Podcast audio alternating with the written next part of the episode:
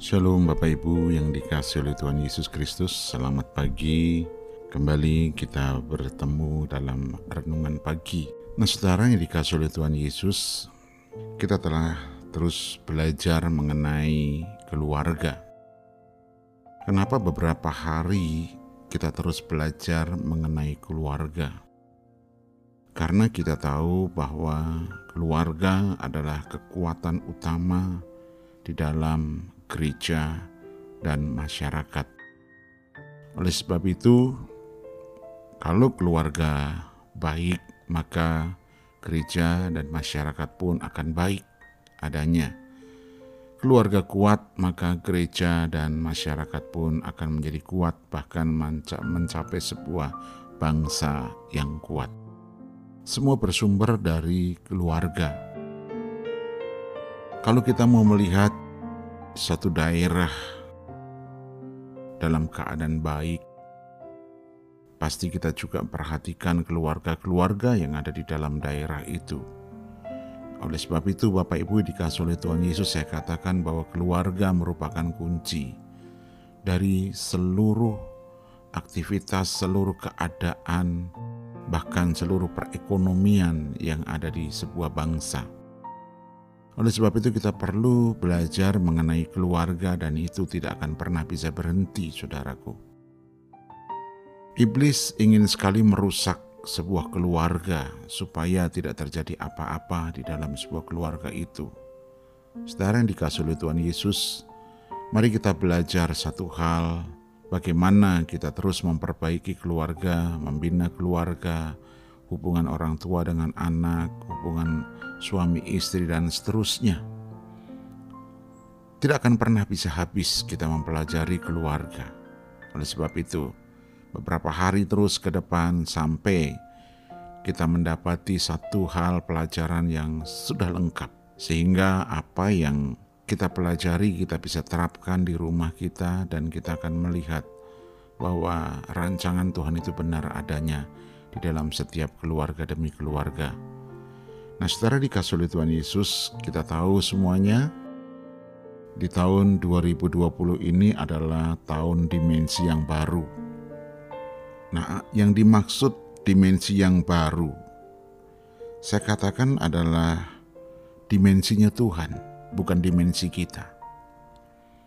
Jadi kita akan dibawa oleh Tuhan dalam dimensinya Tuhan, yaitu dimensi yang baru. Nah, saudaraku dikasih oleh Tuhan Yesus Kristus, kita harus mengikuti dimensinya Tuhan. Tuhan mau bawa kita ke mana? Dan saya katakan Bapak Ibu dikasih oleh Tuhan Yesus bahwa kejadian pandemi ini in, seolah-olah Tuhan memaksa kita masuk dalam dimensinya Tuhan. Terbukti saudaraku dikasih oleh Tuhan Yesus yang dulu mungkin nggak pernah mesbah keluarga, sekarang ada mesbah keluarga. Tetapi sayang banyak orang tidak mau meresponi dimensinya Tuhan. Saya percaya dengan misbah keluarga kita sedang memasuki dimensinya Tuhan. Kita akan dibawa dalam rancangan Tuhan melalui misbah keluarga. Tuhan pasti sangat rindu untuk memulihkan, memberkati baik jasmani maupun rohani kita, memberikan pertolongan, perlindungan, dan pengarahan bagi rumah tangga kita. Kalau kita mengadakan misbah keluarga, Tuhan pasti akan mengarahkan ke mana tujuan kehidupan kita. Namun saudaraku dikasih oleh Tuhan Yesus Kristus, itu tidak instan untuk kita mendapatkan atau kita bisa memasuki satu dimensi yang baru di dalam Tuhan. Kita perlu membutuhkan Tuhan kita perlu membutuhkan sumber dari segalanya. Kita perlu menghadirkan Tuhan dalam keluarga kita. Dan ketika kita menghadirkan Tuhan dalam keluarga kita, maka saya percaya Tuhan akan memulihkan, memberkati, baik jasmani rohani, memberikan pertolongan, perlindungan, bahkan mengarahkan hidup kita. Banyak masalah keluarga yang hmm, tidak terselesaikan Bahkan saudaraku dikasih oleh Tuhan Yesus, kita merasa bahwa keluarga kita sedang berada dalam kegelapan. Saudara bayangkan apabila kita sedang berjalan dalam kegelapan dan tidak ada cahaya. Kita pasti akan bingung harus berjalan ke arah mana. Kalau saudara mempelajari di dalam Alkitab, sering kali kata kegelapan itu sebagai tempat di mana hati kita yang sangat jahat, tempat dosa bermanifestasi ketika kita merasa keluarga berjalan tanpa arah, berputar-putar, persoalan datang silih berganti, hubungan suami istri dingin, anak-anak mulai memberontak, dan sulit dimengerti, di sinilah salah satu contoh kegelapan sedang menyelimuti keluarga kita. Nah, saudara, jika Tuhan tidak hadir dalam rumah tangga, jika firman-Nya tidak menjadi pelita bagi kaki kita dan terang bagi jalan kita, apa jadinya keluarga kita? Karena di dalam Mazmur 119 ayat yang kelima mengatakan, Firmanmu itu pelita bagiku, bagi kakiku, dan terang bagi jalanku. Firmanmu itu pelita bagi kakiku, dan terang bagi jalanku jadi jelas Bapak Ibu yang dikasih oleh Tuhan Yesus, kita perlu firman Tuhan di dalam kehidupan kita, dalam kehidupan keluarga kita. Oleh karena itu, untuk mengalami pemulihan dan menerima kelimpahan di dalam keluarga kita, mau tidak mau, saudara, tidak bisa dipisahkan dengan mesbah keluarga. Jadi kalau saudara mau mengalami kelimpahan pemulihan dalam keluarga dan lain sebagainya, saudara mau tidak mau, saudara harus ada mesbah keluarga. Karena mesbah keluarga itu sangat penting. Namun mengapa sedikit saudaraku yang dikasih oleh Tuhan Yesus, keluarga Kristen yang melakukannya? Bahkan saudara, menurut riset, menurut survei, mengatakan 90% keluarga Kristen tidak melakukan misbah keluarga. Tetapi saya percaya, saudara yang mendengarkan kabar baik ini, saudara pasti melakukan misbah keluarga. Kalau saudara belum melakukan misbah keluarga, mulailah hari ini juga. Jam ini juga, detik ini juga.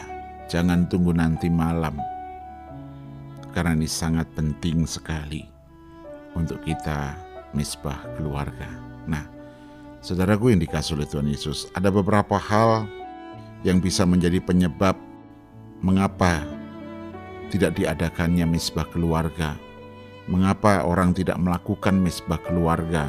Mengapa keluarga-keluarga Kristen enggan melakukan misbah keluarga?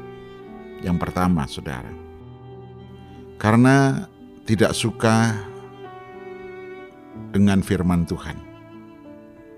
Nah, mengapa saudara?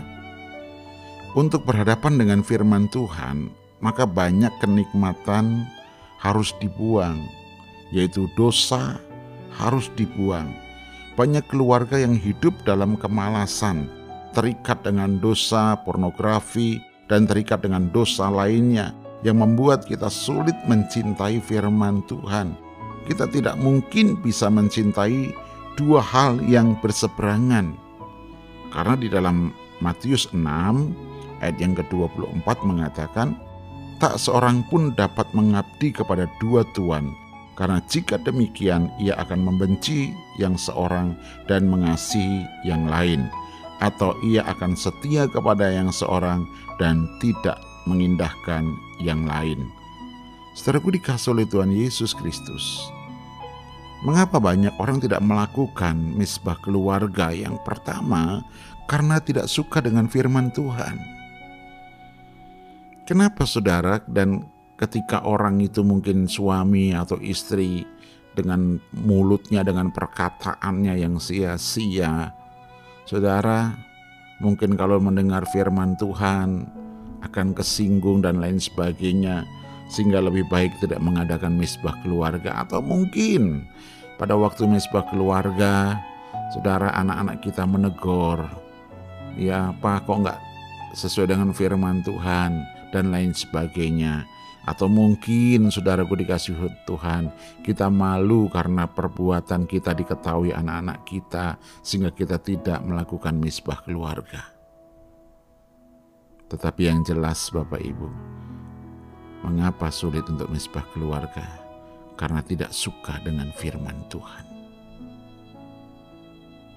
Karena tidak mungkin seseorang hidup mengabdi kepada dua Tuhan. Tadi firman Tuhan sudah katakan demikian.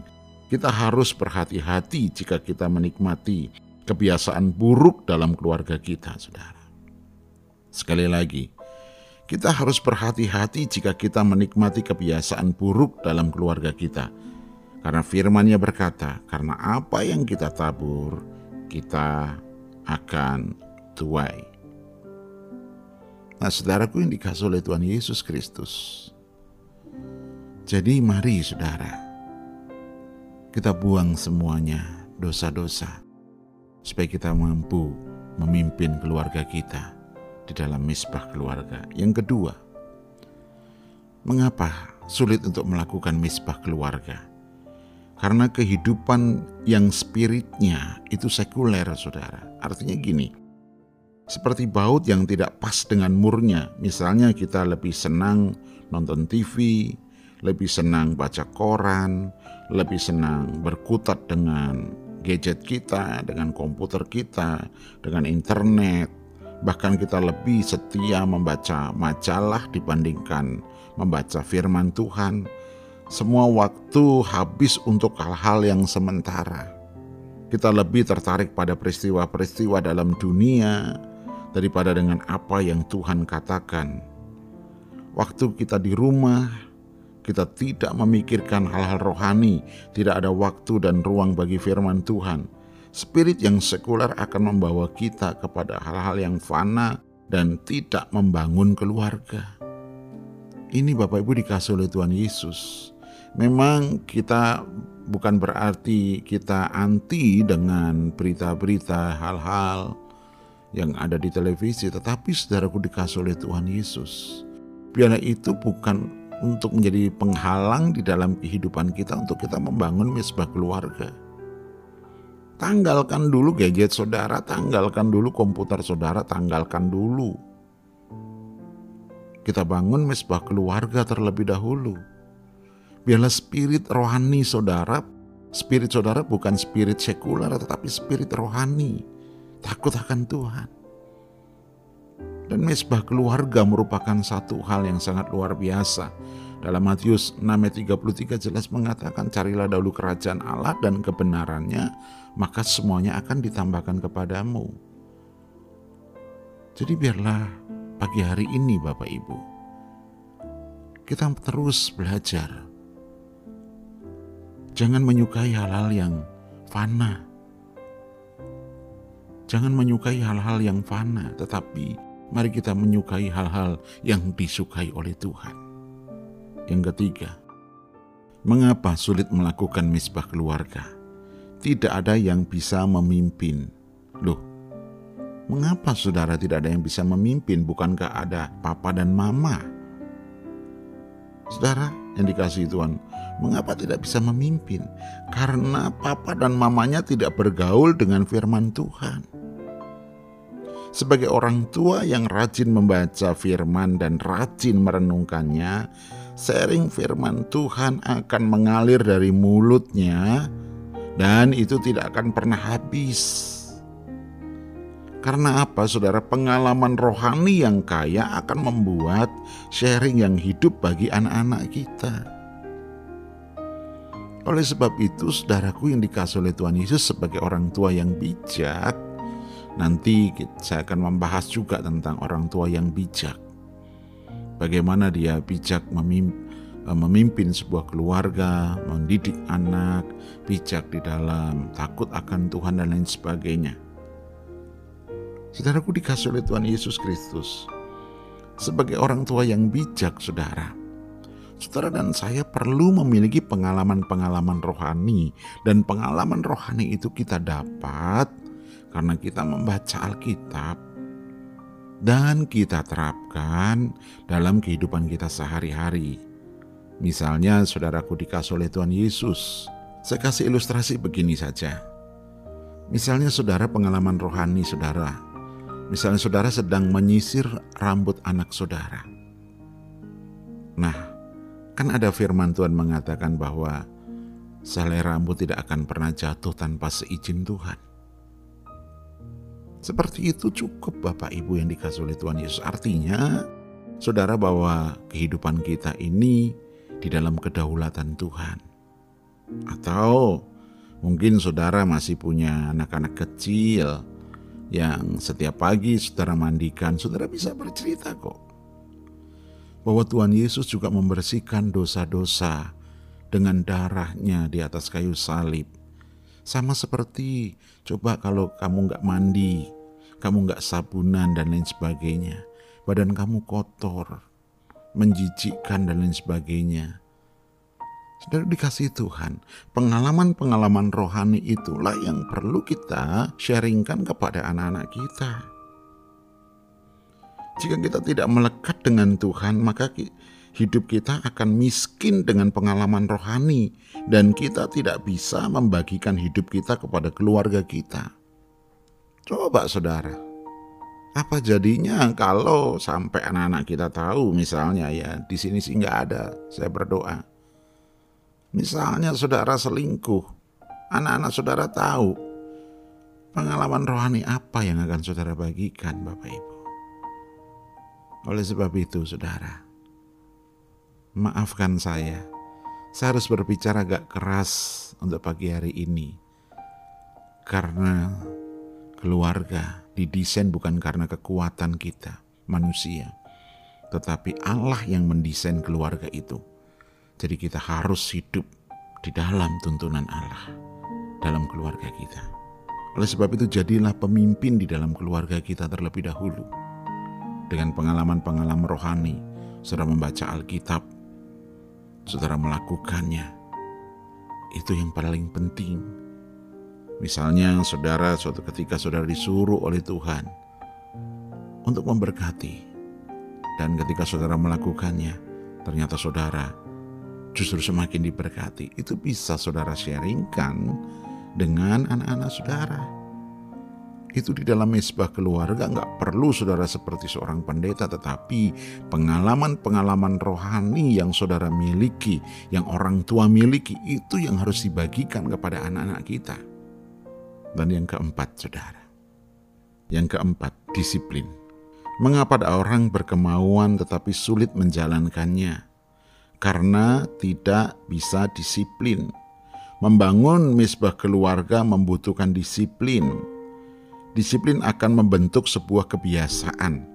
Kebiasaan yang sudah terbentuk akan menjadi pola, dan jika pola sudah baik, akan menjadi sistem dalam keluarga kalau mesbah keluarga sudah menjadi sistem, maka akan menjadi mudah sekali sampai akhirnya kita tidak melakukan mesbah keluarga, rasanya ada yang kurang atau ada yang terhilang dalam sebuah keluarga itu.